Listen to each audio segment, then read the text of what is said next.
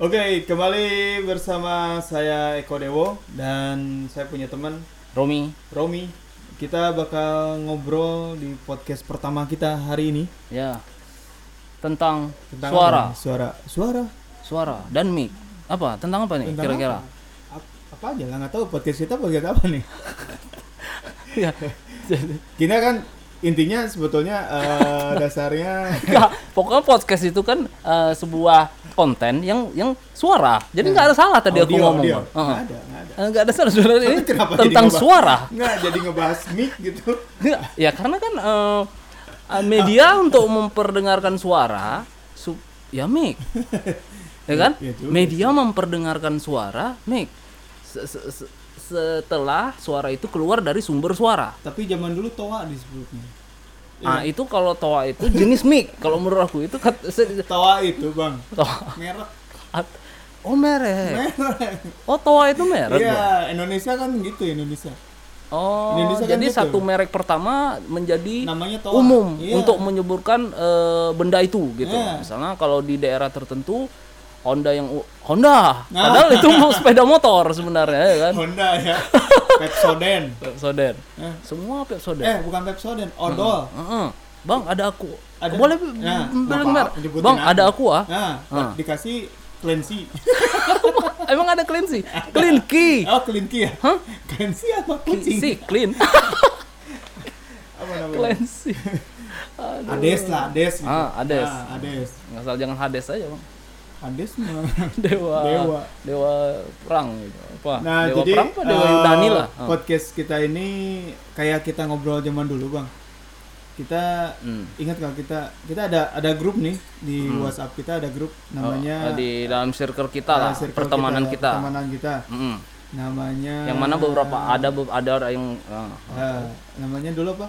Konspirasi gila ya. ya, Saya sih yang nulis ya konspirasi gila. karena nggak tahu. Karena kita Ah. sering berkonspirasi apa aja gitu kan. Konspir- ah, Em, Membicarakan teori-teori konspirasi yang yang kita nggak tahu, jelas betul. yang informasinya Iya, sampai ke kita. informasinya sampai ke Walaupun kebenarannya masih dipertanyakan, tapi seru aja membahasnya. sampai debat, Sampai berdebat, sampai marah-marah ya. sampai marah-marah. Dulu kita habis Jumatan biasanya ya ngebahasnya ya. habis Jumatan, Jumatan kita nongkrong berempat, cuman berempat sih Cuma sebetulnya. ba- ah, bahas Ada saya, Ah. ada Bang Romi, ada Eko juga namanya satu lagi Eko Wibisono, ah, satu lagi almarhum ah, Agung. eh, Agung. Ya. Nah, Jadi kita ngebahas semua itu ah, dari album musik, mm-mm, eh, film, mm. apa lagi? Eh, apa aja yang menjadi ketertarikan kita? bahkan waktu itu kita ngebahas bumi datar, Ya, bumi datar dan bumi bulat. bumi datar dan bumi bulat. Ah. Jadi intinya sebenarnya yang Aku mau kalau inget bumi bulat, Ah. inget telur. iya kalau ditanya eh, pakai telur apa katanya? Ah, pakai Telur telur, dadar, bulat apa telur telur, bulat. datar? Ah. Nggak ada yang bilang telur dala, dat, telur dadar, itu Dadar telur ya? datar, Bang. Telur datar itu ya. Iya. Telur mata sapi. Ah. Dajjal berarti matanya cuma satu. Jadi ya udah mulai lagi kita ngomong-ngomong. Eh, jadi gitu-gitu intinya eh di mungkin ini per- ah, anggo- ah, pendengar-pendengar kita nih bingung nih yang Ya, kita bahas yang- tadi itu ya, kan. kalau ada yang dengerin juga sih, Bang. Ah, ah, jadi itu maksudnya kita eh, inti kita me- membuat podcast ini sebenarnya adalah untuk lebih mendokumen mendokumentasikan pembicaraan kita karena eh, ada banyak hal-hal menarik dalam pembica- percakapan kami sehari-hari. Betul, betul. Ah, Dari- yang mungkin bisa menginspirasi kawan-kawan di, eh, di ya, mana pun sesuai dan dari sudut pandang. ya, sesuai dari pandang sudut kita. pandang kami juga dan tingkat intelijensia kami. itu penting. itu ya, penting. karena eh, orang kadang eh, memaksakan sudut pandangnya terhadap sudut pandang orang lain itu menye- menyebabkan eh, pemaksaan pendapat sehingga terjadilah eh, perbedaan pendapat dan perdebatan. Padahal sebenarnya kalau orang mau eh, mendengar eh, saling bertukar sudut pandang sebenarnya orang akan menambah wawasan antara satu dan yang lainnya. Wah, aku keren juga ngomongnya.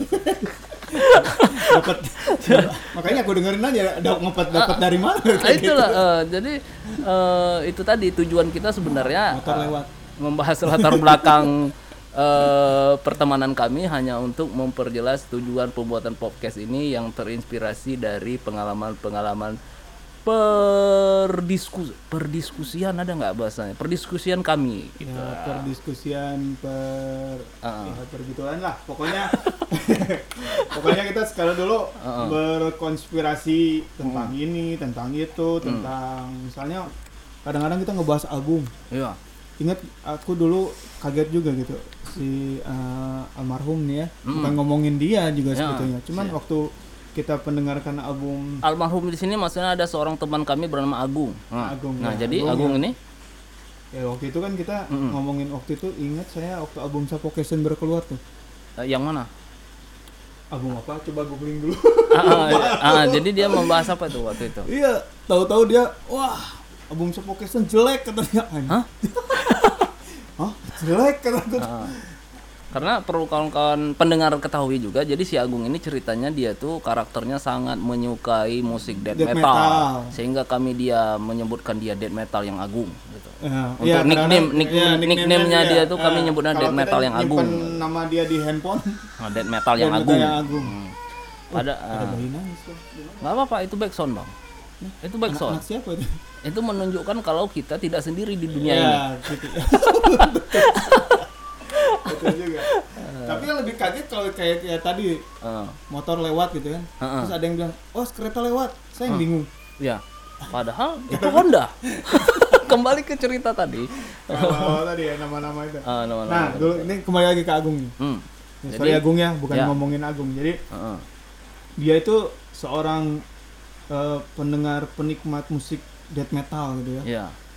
Nah, yang saya heran begitu dia dapat eh, Suffocation, saya aja begitu de- dengerin album Suffocation itu, Heeh. saya langsung exciting. Uh, keren Ah. banget gitu kan. Ya. Eh, dengan secara band itu band legen- legenda lah ya Di dalam untuk death metal, genre gitu death ya, metal. death metal gitu kan Hmm. legenda terus pemusiknya pun bukan sembarangan gitu kan Ya. Dia Bukan menginspirasi orang- iya, bukan untuk orang- setiap instrumen Ah, dalam bukan- genre death metal. ah, bukan orang-orang baru gitu kan yang Ah. baru satu album dua album gitu. Hmm. Nah si Agung ini nggak tahu-tahu dia bilang album Suffocation jelek anjing jelek kata dia jelek kita sebelumnya mau ngomong Hmm. keren banget nih album gitu Hmm. tapi kata dia jelek katanya begini begini Waduh. Hmm. awal-awal saya saya saya agak-agak emosi sebetulnya waktu Iya. dengar kok Hmm. death metal apa Suffocation dibilang jelek gitu Ya. padahal ab- album Pitch Form Within itu Ah.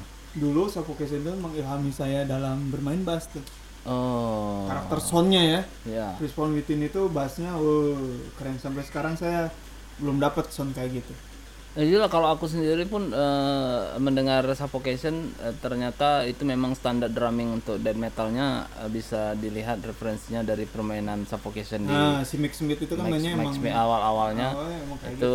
eh, untuk standar eh, drumming mungkin di, style di drumming. di Indonesia ini hampir semua death metal kali ya Uh, ya. Dulu, zaman dulu musiknya kayak gitu kan. Jeng jeng jeng jeng jeng jeng jeng kayak gitu kan. Uh, um, jeng, ya. jeng, jeng, jeng, Jadi standarnya, standar musik, standar standar musiknya. Hmm. Jadi di diawali dengan sapu keset mungkin ya. Ya, mungkin uh, sehingga uh, baru perkembangan perkembangannya macam-macam, ada yang jadi lebih brutal, ada yang jadi lebih eh, lebih lambat temponya. Padahal mungkin standarnya di tengahnya itu si suffocation tadi. iya Suffocation kan kalau kita dengarkan album-album yang lamanya pun Hmm.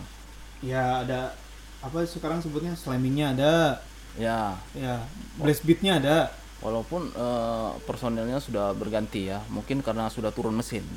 ya bisa jadi Tinggal- oh drummernya pun kalau nggak salah Sudah ganti. terakhir, ya sekarang Sudah ya? ganti. Terakhir Sudah ya, ganti kalau drummernya. Eh, drummernya sekarang sudah namanya Eric Morotti. Dia ya nama drummernya Oh, sekarang drummer- yang drummer- terbaru. oh, iya. Pada saat podcast ini direkam nama drummernya itu Eric Morotti. Oh, Mungkin pada saat teman-teman mendengarnya udah lain nama drummernya. Karena kan podcast ini bersifat abadi mungkin ya. ya Eh, kalau selama teknologi suara masih bisa ada atau kalian ini di- di- didengar di zaman kapan nih sekarang? Halo? iya saya, saya cari handphone saya di mana ya Hmm. Jadi kami ini pada saat merekam ini di mana eh, kami eh, menggunakan alat komunikasi smartphone. Iya. Nah, kami sudah bisa melakukan video call dan panggilan suara. Iya, betul. Eh, Bisa, karena bisa. eh, kenapa pembicaraannya jadi begini? Karena eh, saya memperkirakan bisa aja podcast ini didengar 10.000 tahun lagi. Nah, Atau eh, di mana manusia sudah teknologinya lebih berkembang dengan teknologi cahaya mungkin. ya ya. betul. Di mana eh, alat komunikasi bukan udah main hologram mungkin, ha gitu. Nah, dulu ingat-ingat ngomongin teknologi cahaya, Eh, saya ingat batu baterai. hah? Kenapa itu? Batu. Bukan batu baterai apa ya? Center center. ah center, eh, eh. Nah, Kenapa dia? Jadi kan yang saya tahu itu cahaya itu dari center itu. Ah, pergerakannya Ah, itu, itulah pergerakan cahaya. cahaya. Mm-mm. Tapi saya juga nggak ngerti juga itu. Iya, kalau- iya, iya itu kalau kecepatan cahaya eh, pemahamannya begitu. Pemahamannya Gimana? begitu, kan? eh, bagaimana dia eh, bergerak ke titik terjauhnya. Kecepatannya bergerak itu kecepatan cahaya Hmm. gitu. Hmm. Betul betul betul.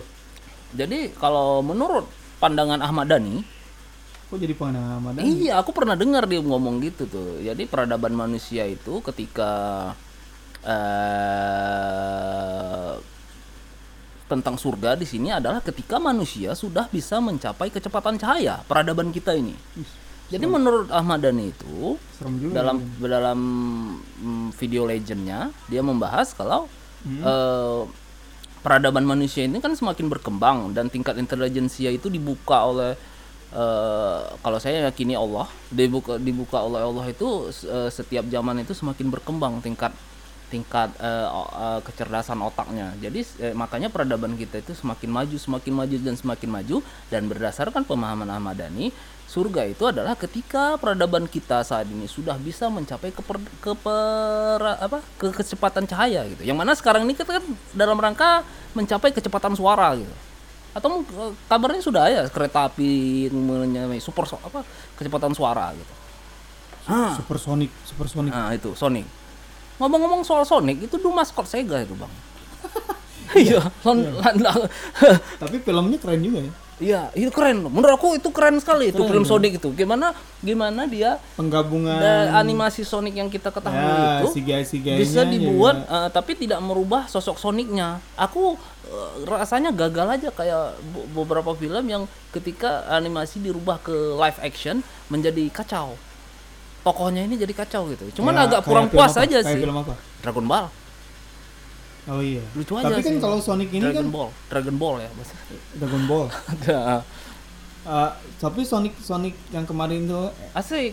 Asik si Sonicnya nggak berubah, si Sonicnya ini, fisik Sonicnya ini. malah dia eh, permajaan ya. Perma- ya, disesuaikan Iya kan? dengan nyaman. Perma- Kurang puas aja dengan si Robotniknya aja sih. Eh, walaupun acting Jim Carrey di situ sangat keren. Ya, Cuman kurang puas aja, eh, agak sedikit digemukin lah, agak sedikit rada terlalu animasi sih. kurus ya. Terlalu Iya, kurus ya. terlalu kurus. Ada Terlalu sedikit kurus. rada animasi sih maunya dia dari fisiknya si Jim Carrey Ya, itu. betul lah. gitu.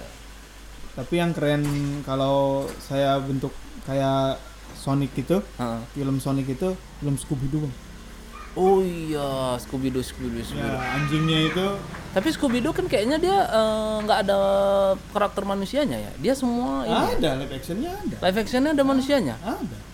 Oh belum nonton sih. Cuma, cuma udah di, udah pernah di save di laptop tapi belum belum belum sempat nonton sih. Tapi kalau em, seingatku kalau lihat cuplikannya sih dia semuanya eh, CGI, enggak, bukan ya? Kalau Scooby Doo. Halo, Abang Scooby Doo enggak aku lagi Oh, ngecek iya, iya. ini, ngecek Si Suffocation tadi. ah, Iya. Kenapa deh? Jadi oh iya, album terakhir itu Eric Morotti. yang ya. sekarang Eric Morotti pada saat podcast kita ini direkam, nama Tapi, drummernya nah, Eric Morotti. Nah, ingat album yang dibilang jelek sama si Agung itu, Agung itu Mike Smith. Eric Morotti ternyata. Oh iya, mungkin karena itu, karena mungkin Agung Mungkin tidak terbiasa dengan pukulan-pukulan dan metal modern arah Eric Morotti. Ah. Mungkin ya kalau di, karena aku yang bisa aku of the- komentarin sisi drumnya. Of the Dark Light itu. Ah. Nah ini ingat aku yang covernya hijau ini. Ya inilah. Jadi ini covernya kayak si apa coba lihat loh. Wah, ini kayak alien ya. Iya kayak cahaya-cahaya gitu lah. Ah, ini alien nih mungkin ya. Iya inilah yang waktu Of the Dark Light. aku sih waktu pertama dengar Suffocation ini dengan Of the Dark Light albumnya ya. iya of the Ah, dark, of hmm. the dark light, Hmm. of the dark light ini waktu pertama kali dengar album ini terus Hmm. kan di situ memang drum udah Dan udah ganti ya. Udah ganti. Eric Morotti sekarang. Hmm, Oh, yang terakhir ini dia si Frank Mulan di sini terakhir ya. Si vokalisnya. Nah, Nah, vokalis berarti itu vokalis baru yang di Yang dikomentarin si Agung itu. Enggak, dia mengomentari musiknya. Masih Frank Mulan. musiknya Waktu si yang dikomentar yang dark ini album masih Frank Mul- masih Frank Mulan, Ah. masih Frank Mulan. Cuman kata dia sih jelek katanya. Kalau aku Oh. sih nggak tahu ya kalau dengerin Suffocation Ha-ha. Ya setiap band kan setiap ya setiap albumnya album wajar ada ah, perubahan-perubahan cuman perubahan-perubahan. Menurut aku sih Mungkin itu dilema setiap band lah ketika membuat sebuah al- karya album baru, apakah dia baru. harus membuat seperti album sebelumnya atau memberikan warna baru supaya nggak dicap itu-itu aja. nah Kadang begitu. ngomong-ngomong kayak gitu juga. Hmm. ini podcast kita gaduh-gaduh loh, Bang. oh, nggak apa-apa lah nggak masalah kan, kata aku juga Nanti ini kan para eh, produser yang menjadi sasaran kita jadi ambil bingung minum nih. ya ambil minum Jadi sorry. bingung nih. Jadi Minum ini benar-benar minum bukan special effect. bukan emang emang, minum Dan saya ketawa betul-betul ketawa bukan special effect juga. ada juga mixer yang gitu pijit Ya. Nggak percaya itu yang mixer yang tadi saya pegang itu Heeh. Jadi orang tepuk tangan, oh, iya Oh, gitu. Rame padahal Nggak cuma ada. sendiri dia hmm. Tapi itu mensuges pendengar juga. Nah, Jadi seolah-olah lebih meriah podcastnya gitu. ya itu Kalau kita ada backsound tadi anak-anak, suara motor. nah itulah Jadi menunjukkan kita ada di dunia. dan dunia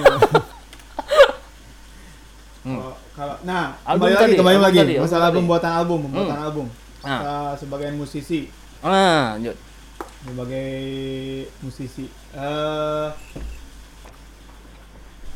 ini pengalaman aku aja ya Ya. pengalaman aku aja waktu eh saya udah nanti saya ngomong kayak gini sombong kan nggak apa-apa Nah, ini kan memang faktanya, apa adanya ya? aja. Apa adanya ya Yang jadi teman-teman fokus kepada inti dari eh, pembahasan kita, fokusnya, Ah, cara bukan pembu- pembuatan inti albumnya ya. dari kenarsisan kami. nah gitu. bukan kenarsisannya kalau narsis kita Tapi udah itu tergantung cara berpikir pen- penggemarnya juga, Nah, eh, iya. pendengarnya Pendengar juga. juga. Karena kadang orang kita nggak bisa kita, kita paksakan arah berpikirnya. Kita mau menyampaikan apa, ternyata mereka menilainya yang mana. nah Nah, udah lanjut bang. Jadi Oke. bagaimana konsep? jadi Hmm. eh, pengalaman aku nih pembuatan album nih Mm-mm. waktu band aku yang dulu yang di Bandung Mm-mm. nah sebut aja inisial ya ya. inisial aja sebut Restless Oh gitu. ya. itu bukan inisial bang. Itu translate. translate. inisialnya itu lah. Ah, ah. jadi album pertama terus terang aku nggak di situ cuman kontribusi di dua lagu Hmm. semua lagunya ada enam Ya. nah dimulai mulai di album berikutnya Mm-mm. mulailah ada kontribusi saya karena sudah sebagai personil tetap Mm-mm. ya personil tetap kontribusinya di situ jadi eh terus al- jadi album kedua Ya. kemudian jadi album ketiga Mm-mm. album keempat nah Jadi abang eh, di situ sampai dari album pertama udah masuk abang ya? ini udah udah Sampai masuk. terakhir di album ke orkestra inilah eh, total udah berapa album tuh totalnya? lima lima Lima album. Hmm. Sampai sekarang belum ada album baru dari Restless. Eh, belum Belum. sekarang udah mulai pakai personil baru sih Oke, jadi dari lima album itu di pertama tadi abang udah cerita kontribusinya di, di yang kedua bagaimana nih? Kons- eh, apakah ada perubahan konsep dari album yang pertama? Sesuai, seawalnya sih dari album pertama kedua karena kan kita bahas Kalau- konsep nih. ya, konsep. Kalau mengacu ka- pada si perubahan kalau kami selera. yang mengerjakannya Heeh. pasti ada perubahan lah Hmm. ada perubahan ya tapi secara Teknisnya? ah, secara tek- teknis pun iya Heeh. dan waktu itu kan emang peralihan dari proses eh, ala recording Ya. kalau dulu zaman analog gitu kan Heeh. saya mulai ke masuk ke digital Di album? semi digital di album kedua Oh, album pertama tuh masih Al- analog. ah, album kedua itu kan mini album ya mini Hmm. album cuma empat lagu Mm-mm. kalau mau diceritakan itu empat lagu itu sebetulnya kami tidak berniat bikin mini album itu Ke- ah, inginnya album aja album Oh. full gitu Mm-mm. karena ada di dalam satu proses eh, rekaman kami kehilangan file file Ah. lagu Hah? hilang Ya. Oh, berarti sudah duluan kehilangan file ya daripada album Coil ya? Kok kami duluan dulu ya.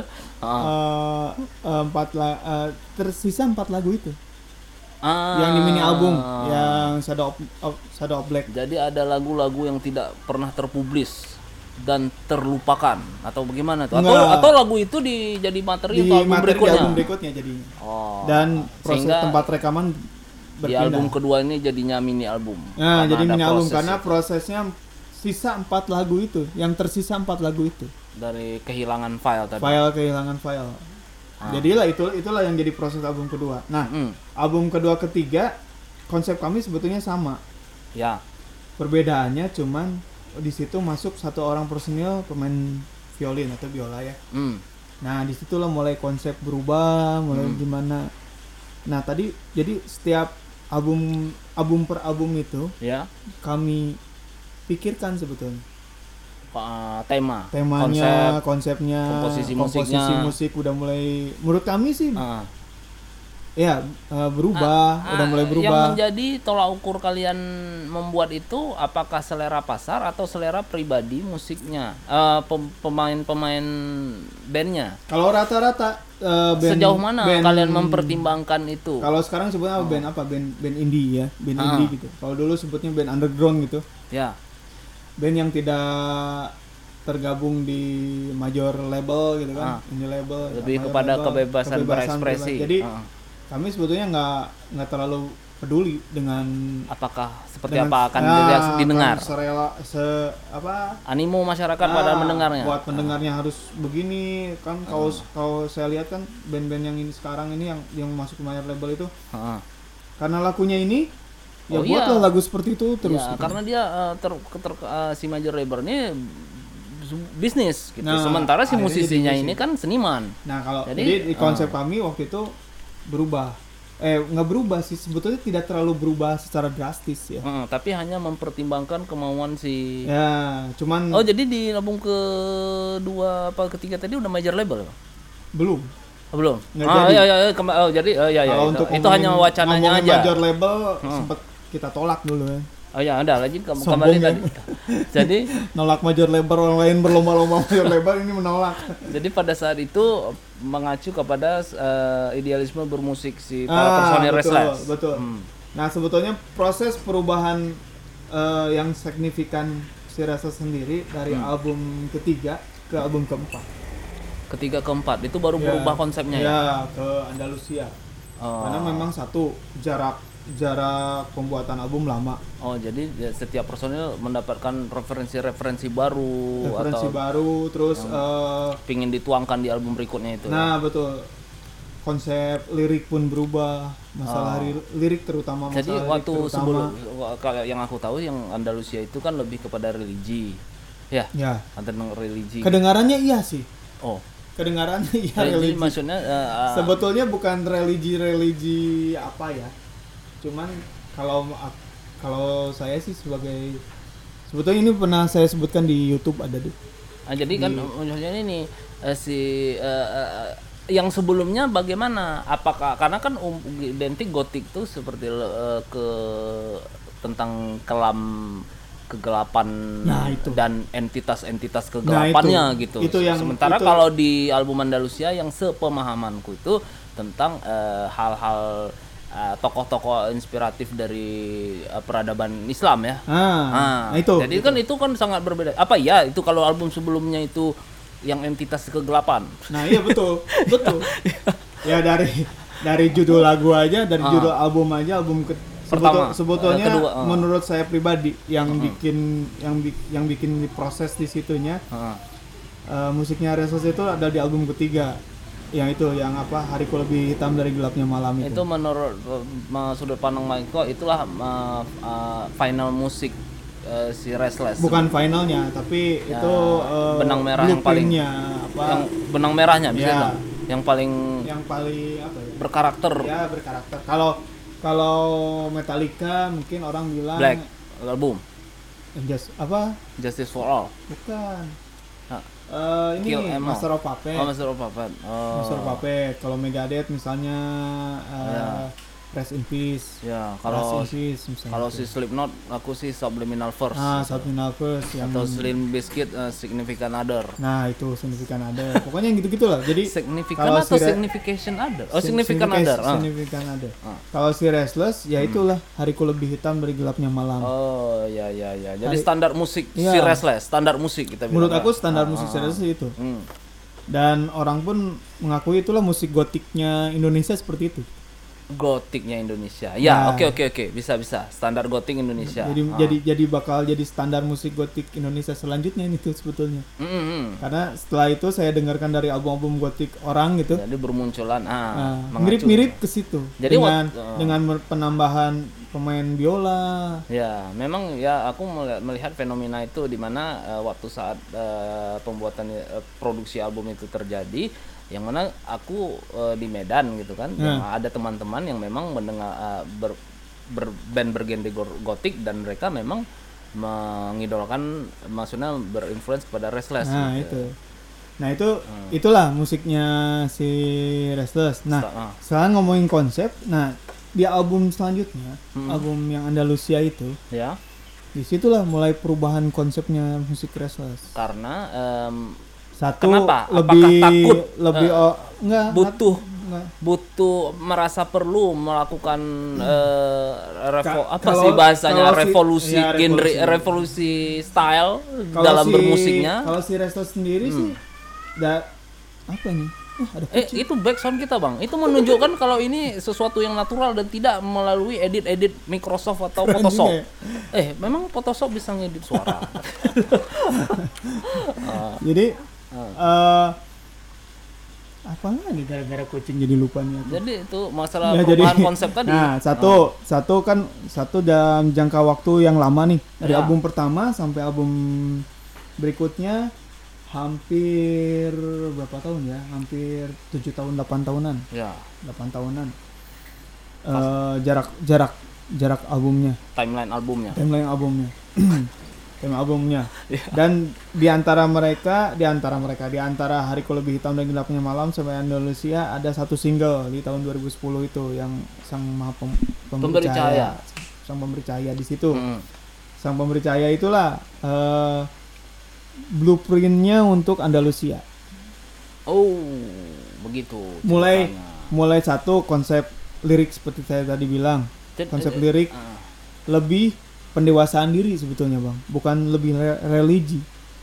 Oh, oh ya ya. Itu pendewasaan diri. Jadi kita udah disebutlah udah udah tua gitu ya, Ah. udah udah band udah Berpikirnya lebih matang. lah. dewasa gitu ya, udah Ah. dewasa. Hmm. Terus kita nggak mungkin lagi ngomongin tentang sakit hati, Oh, eh, apa bunuh diri, tentang apa hitam-hitaman yang gelap-gelapan gitu. ah, lebih bijaksana lah Nah, dalam melihat kehidupan. Karena mungkin kita ya. kan udah mulai punya anak nih, udah pada udah pada nikah, Ya. udah pada nikah, udah punya Hmm. punya anak. Kita nggak mau anak kita baca tahu-tahu liriknya kok kayak gini Nah, katanya. perasaan dulu ayahku nyembah apa gitu mungkin Nah, ya. ini, ini apa tentang hitam hatimu apa gitu ya. Ah, ah.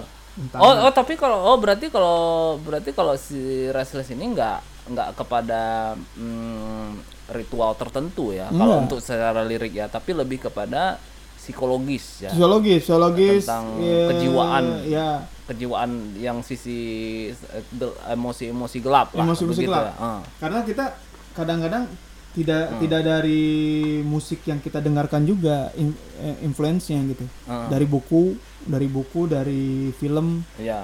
Kalau hari apa hariku lebih hitam dari gelapnya malam kita sering nonton film kolosal kolosal sering Oh. saya beli waktu itu sama si Mang Ule gitaris yang satu lagi itu Ah. kan banyak konsep musiknya dari dia juga Iya, iya. dan saya mau poles-polesnya di situ jadi banyak di musik yang berdasarkan perang gitu Ya. makanya judulnya kan sang sakala sang sakara Hmm. perang Hmm. terus eh apa lagi kita hariku lebih hitam dari gelapnya malam tuh tentang kita habis perang nih Ya. habis perang terus kondisi Perangnya pagi.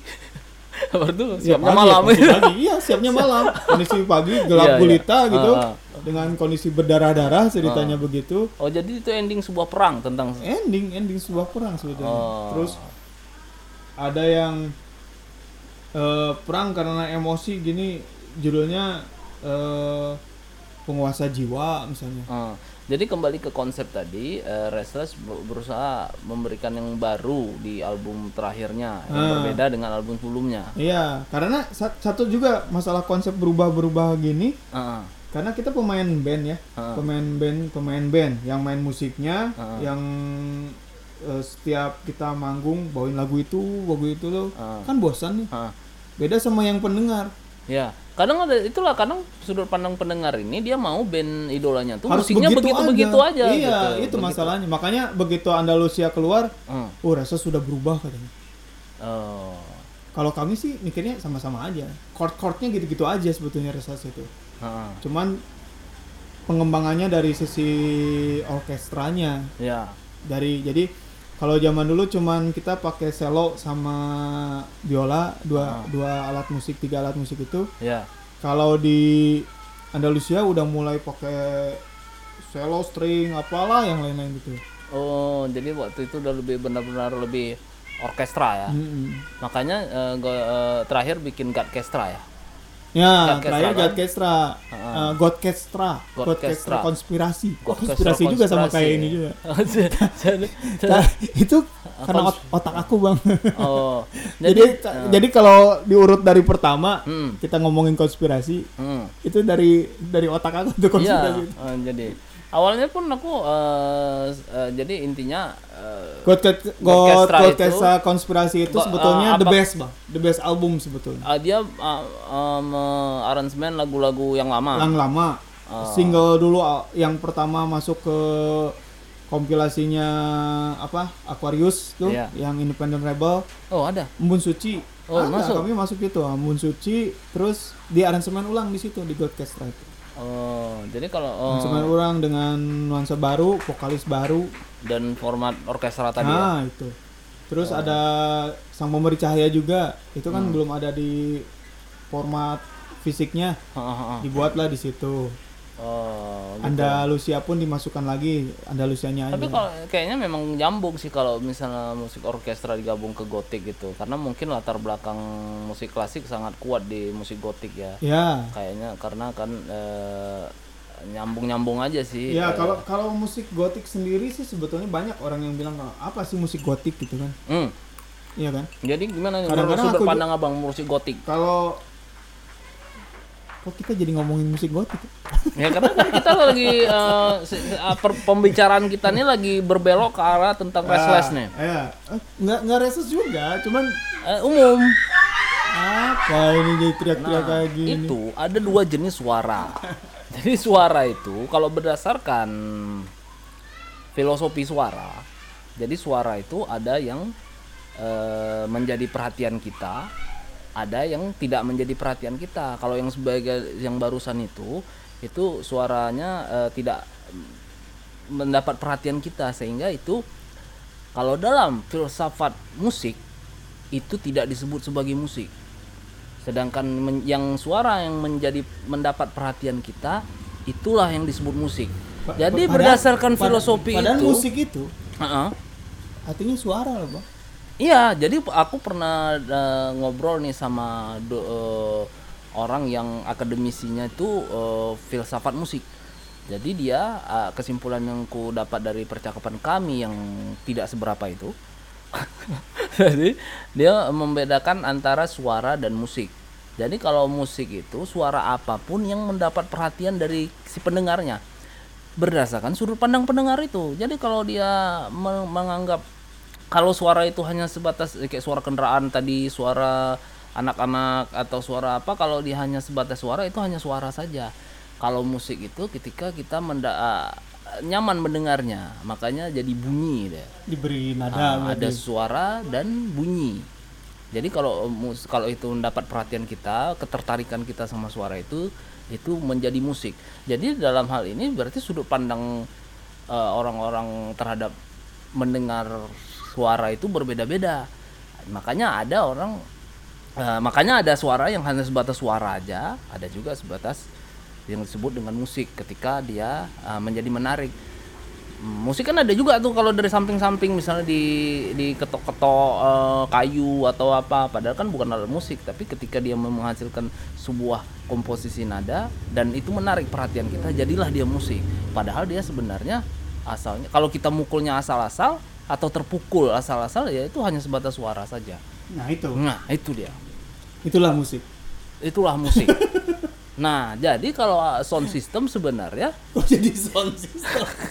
sound system itu lagi- sebenarnya tadi- bukan alat musik, Bang. Kita lagi Bu- ngomongin. bukan bukan alat musik. Enggak. Ingat kan kita kan tadi berbelok ke sana. Tadi kan ngomongin itu, Ah. kita kita mulai dari mulai dari cahaya dari suara, Suara, suara. suara, ke Cahaya. co- suara. konsep album. Kan eh, dari suara kan masuk ke konsep album. Cahaya. Nah, sekarang kita siap-siap masuk ke cahaya nih, Bang. Kalau kalau podcast kayak gini cahaya Ah. nggak bisa di ini kan nih. Ah, Nah, ya lumayan lah bentar lagi lah. Bentar lagi kalau udah sampai ke peradaban kecepatan cahaya tadi, Bang. Ya itu, Hmm. mungkin kita bahas selanjutnya aja. Mm-mm. Kayak apa? Cahaya. Kita cari referensi dulu lah. Ya, biar kita nggak ngawur aja gitu. Karena kan Ya, kasihan pokoknya- pendengar kita nah, gitu. Nanti kalau ada yang kalau ada yang mendengarkan nih podcast kita ini Mm. mau arahnya ke mana sih obrolannya? Obrolan-obrolan gini aja. Ah, berdasarkan, Kita eh, konspirasi gila kita aja. Nah, berdasarkan eh, pembahasan pada saat podcast ini direkam. Nah, betul. Pada saat ini itu tanggal 10 bulan Maret Oh, 2021. Nah, betul.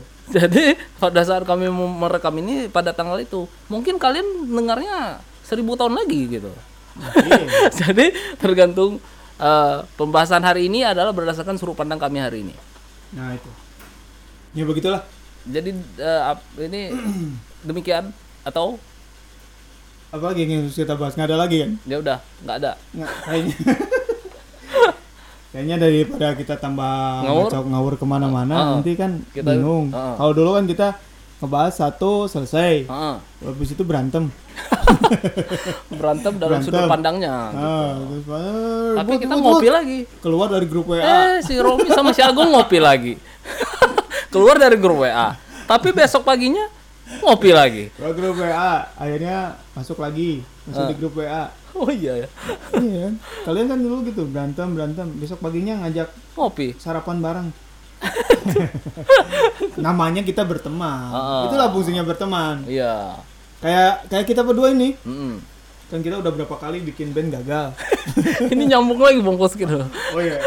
Jadi Nggak apa- nggak nggak apa-apa jalan-jalan. Tapi kita, tetap aja berteman. berteman, gitu. namanya Karena berteman. Pertemanan itu banyak substansinya. Iya. Jangan karena satu substansi dalam pertemanan jadi merusak seluruh Nah, substansi pertemanan itu. Jadi aku dulu sama Bang Romi ini kalau ada yang kalau ada yang denger juga nih, pengen tahu nih Iya. siapa. Ada Bang Romi ini dulu pernah ngeband Hmm. Satu band di band death metal. Adalah banyak apa Sebutkanlah- pokoknya. sebutkanlah Ah, inisialnya. Kalau kalau the 13. Friday the 13. Terus aku keluar dari Friday. kalau band aku sebenarnya sih bikin ah, dendam. ah, Eh, gabung di dendam kita. Gabung ya, bukan gabung. bikin ini ya. pekerja sama kami ya. Ya, Ah. eh, kerjasama kami terus Ah. gabung di dendam. Habis itu Cuma bikin satu single. single- Mengasah amarah. It- ya itu pun nggak jadi, Nah, jadi nggak jadi. Terus eh, Romi keluar dari band. ini band yang dibahas nggak jadinya gitu. nggak jadi. Em- emang kita emang nggak nggak jadi jadi ya. Iya. Bikin band udah. Terus ngeband ngeband biasa aja. Heeh. Terus akhirnya eh, bikin grunge. eh, sebelumnya mau bikin pop ya dulu ya. Oh, pop pop, pop eksperimental. agak-agak eksperimental gitu. Nah, namanya bumi Beda- bumi datar. Bumi datar. Mungkin Bumi karena datar. banyak perdebatan tentang bumi bulat dan bumi Karena, datar. ah, jadilah kita buat namanya bumi datar aja biar kontroversial tuh ya. Ah, Biar orang, uh apa nih? hmm, Kalau kasarnya biar viral, viral. ya. Eh, lau-lau, eh lau-lau. Lau-lau. Tahu-tahu Bang Romi tertelan bumi datar. Terlalu bumi datar ya. Hilang, hilang dua tahun. Karena pilihan hidup. Nggak tahu aku itu pilihan itu atau apa. Yang penting dia nggak ada aja. Di WA nggak ada. Di Facebook nggak ada. Facebook hilang, Instagram nggak ada. Heeh. Pokoknya nggak ada. Setiap orang nanyanya sama aku. Aku aja nyari. Tiap ketemu, kok si Romi mana Nggak tahu apa aja nyari The Lost Boy The Lost Boy ada yang bilang namanya si Lost Boy Orochimaru Eh, ada kalau kami bilang sih ditelan di bawah Orochimaru karena terakhir pembahasan ngomongin ngomongin itu Naruto. Orochimaru tahu-tahu dia datang lagi. Hmm. katanya sih pilihan hidup. Dah. Terus dengan spekulasi apalah semua dah hidup lagi. Akhirnya Hidup lagi. Eh, hidup lagi maksudnya Aduh. ah, ngumpul lagi ya. Ngumpul lagi. ngumpul lagi ngobrol ngobrol biasa biasa bisa terus udah gitu intinya kami tetap berdiskusi lah. Ah tetap diskusi. Akhirnya mulailah. Bolehlah dia menghilang kapan pun kata saya tuh. Tapi WA jangan sampai hilang gitu kan. Ya karena Kadang-kadang sebenarnya kita uh, uh, uh, sering-sering ngobrol. Kadang-kadang saya kalau nonton film apa kebahas. suka dibahas sama dia di WA gitu. Eh, Nah, yang terbaru kita membahas tentang in- inversi. Inversi film Tenet Tenet gitu Ah. Tenet di mana setiap materi di dalam ruang adalah p- punya waktu nah dan di dalam film itu temanya adalah mempermainkan waktu per materi di dalam ruang itu. Nah, Hah, iya, udah betul. rumit kan? Nah, rumit. Emang kalau nonton itu aku juga rumit nih. Rumit nonton film Tenet itu. Carilah Tenet yang Udah, udah, udah nonton bang terus. Oh, nonton, nonton. Udah, udah. Ya terakhirnya itulah baru ketahuan dari pembahasan-pembahasan terakhirnya itu. Oke bang. Karena penasaran. Heeh. Nah, udah, itu Tenet ya. Terus kita ngebahas itu. Akhirnya "Ah, apa nih? ya, ya, Nah itu backsound bang menunjukkan kalau kita ada di bumi. Malam lah rumah aku penampungan kucing. Ah, jadi dimensinya Jadi nih dimensi terus kuantum. kemudian eh, bikin grants kita ya. Hmm. Bikin grants namanya Red Konspirasi juga. Ya. Ada konspirasinya. Mm-mm. Nanti Karena lah. konspirasi itu artinya persekongkolan. Ya, yang- konspirasi. Karena Persekongkolan kami eh, menghasilkan sebuah Kalau aku- kreativitas. kalau aku pribadi sebetulnya Ah. pertama dengar nama konspirasi, Bang, ini lanjut terus bang sampai Iya. ke konspirasi. iya ngomong konspirasi ini karena keren aja nih. Oh, aku ah, itu telat telat aja kalau nggak sebenarnya aku pingin baru setelah mengucapkan kata konspirasi untuk red konspirasi itu aku baru terpikir tentang kata konspirator. Ah, konspirator kita itu lah adalah pelaku pelaku konspirasi. Jadi itu. Ah, ah, ah, aku telat tuh kalau untuk mau mau Atau kita- me- mengatakan kepada abang kalau Kita ngeband lagi, nama band ngeband kita lagi namanya konspirator. Ah, di belakang Saingan konspirasi. konspirasi. Ntar itu yang tiga gimana memberikan pengertiannya. Benar, itu masih adisional itu. kan red konspirasi aku Ada pribadi kon- sekarang. Karena kalau karena kalau eh, menimbang kita ada band Kan ada sebelumnya yang bernama gila. konspirasi. Iya, iya. Ah, jadi Karena aku pikir ada konspirator band- aja ada, gitu. Ada band namanya konspirasi juga di Jakarta. Cuman sana. udah terlanjur kita ketok palu nama kita Red konspirasi Red pada saat konspirasi itu. waktu itu. Ya udah. Hmm, Padahal aku sebenarnya Padahal suka namanya Pelangi. Ya, itulah. Pelangi. Itu band aku dulu juga, Bang. Iya, udah Itu lanjut, ah. Brand Grants aku dulu juga. Ah, ah. Ya udahlah kalau gitu nanti kita bahas di Lain podcast kita selanjutnya Ah, ah. ya. Semoga Kita- kalian suka Ah, semua kalian suka yang dengan pembahasan kami pembahasan yang, kami yang- ngolor ngidul ini memang sengaja biar ini eh, jadi temanya ngacak aja dulu karena ini semacam trailer. Jadi demikianlah. Iya ini kan trailer podcast kita, Ya, Bang. trailer tapi 40 menit. Iya. Jadi itu menunjuk trailer cuma 2 Iya. menit. Jadi tema kita Menit ini aja udah lama. Tema kita tadi kan macam-macam tuh. Nah. Itu menunjukkan eh, begitulah sudut-sudut pembahasan kami itu bisa ke mana-mana kalau- aja Kalau gitu. musisi, kalau Ah. seperti kita, seperti album pertama. Ha, jadi nanti mungkin Di ke depannya album pertama itu Hmm. Kadang-kadang ada yang ngebeat, ada Ya. yang slow, ada yang apa. Nah, nanti Ah, ketahuan Ketahuan tuh. dapat duitnya dari mana. Jadi kami ini ngacak dulu gitu. kalau dapat duitnya yang slow ya Slow. aja, ha. terus aja. Tadi kita sedikit banyak udah membahas juga tentang perjalanan restless. Nah, itu kami bisa membahas dalam uh, uh, diskografi tentang sebuah band, Band, gitu juga, juga tentang Mungkin uh, nanti kita ngebahas sudut pandang band-band- lain band-band tentang- Medan juga ya. wah, sensitif Iya, tuh, Bang. nggak apa-apa lah yang ya kita kan sudut pandang lain. Yang tidak ada sudutnya. Nggak yang tidak ada sudutnya seperti WRJ bilang. Ah. Jadi sebenarnya orang itu harus siap menerima sudut pandang ketika dia mempublis sesuatu. Ya kalau enggak dia nggak bisa eh, nggak nggak tidak bijak dia kalau dia tidak bisa menerima sudut pandang lain ketika dia melepaskan sesuatu itu di tempat umum. Nah, jadi harus siap men- men- mendapat- me- mendapatkan reaksi berbagai macam sudut pandang terhadap apa yang dia publis di tempat umum itu. Gitu. Jadi setiap orang yang mempublis sesuatu di tempat umum harus bijak menerima berbagai macam sudut pandang dan reaksi terhadap apa yang dia publis itu. Jadi kalau supaya ada orang Hmm. mempublis di apa sudut pandang eh, Sudut pandang publik, tertentu di Nah, tempat publik, dia harus siap. buanglah sampah Hah? di tempatnya.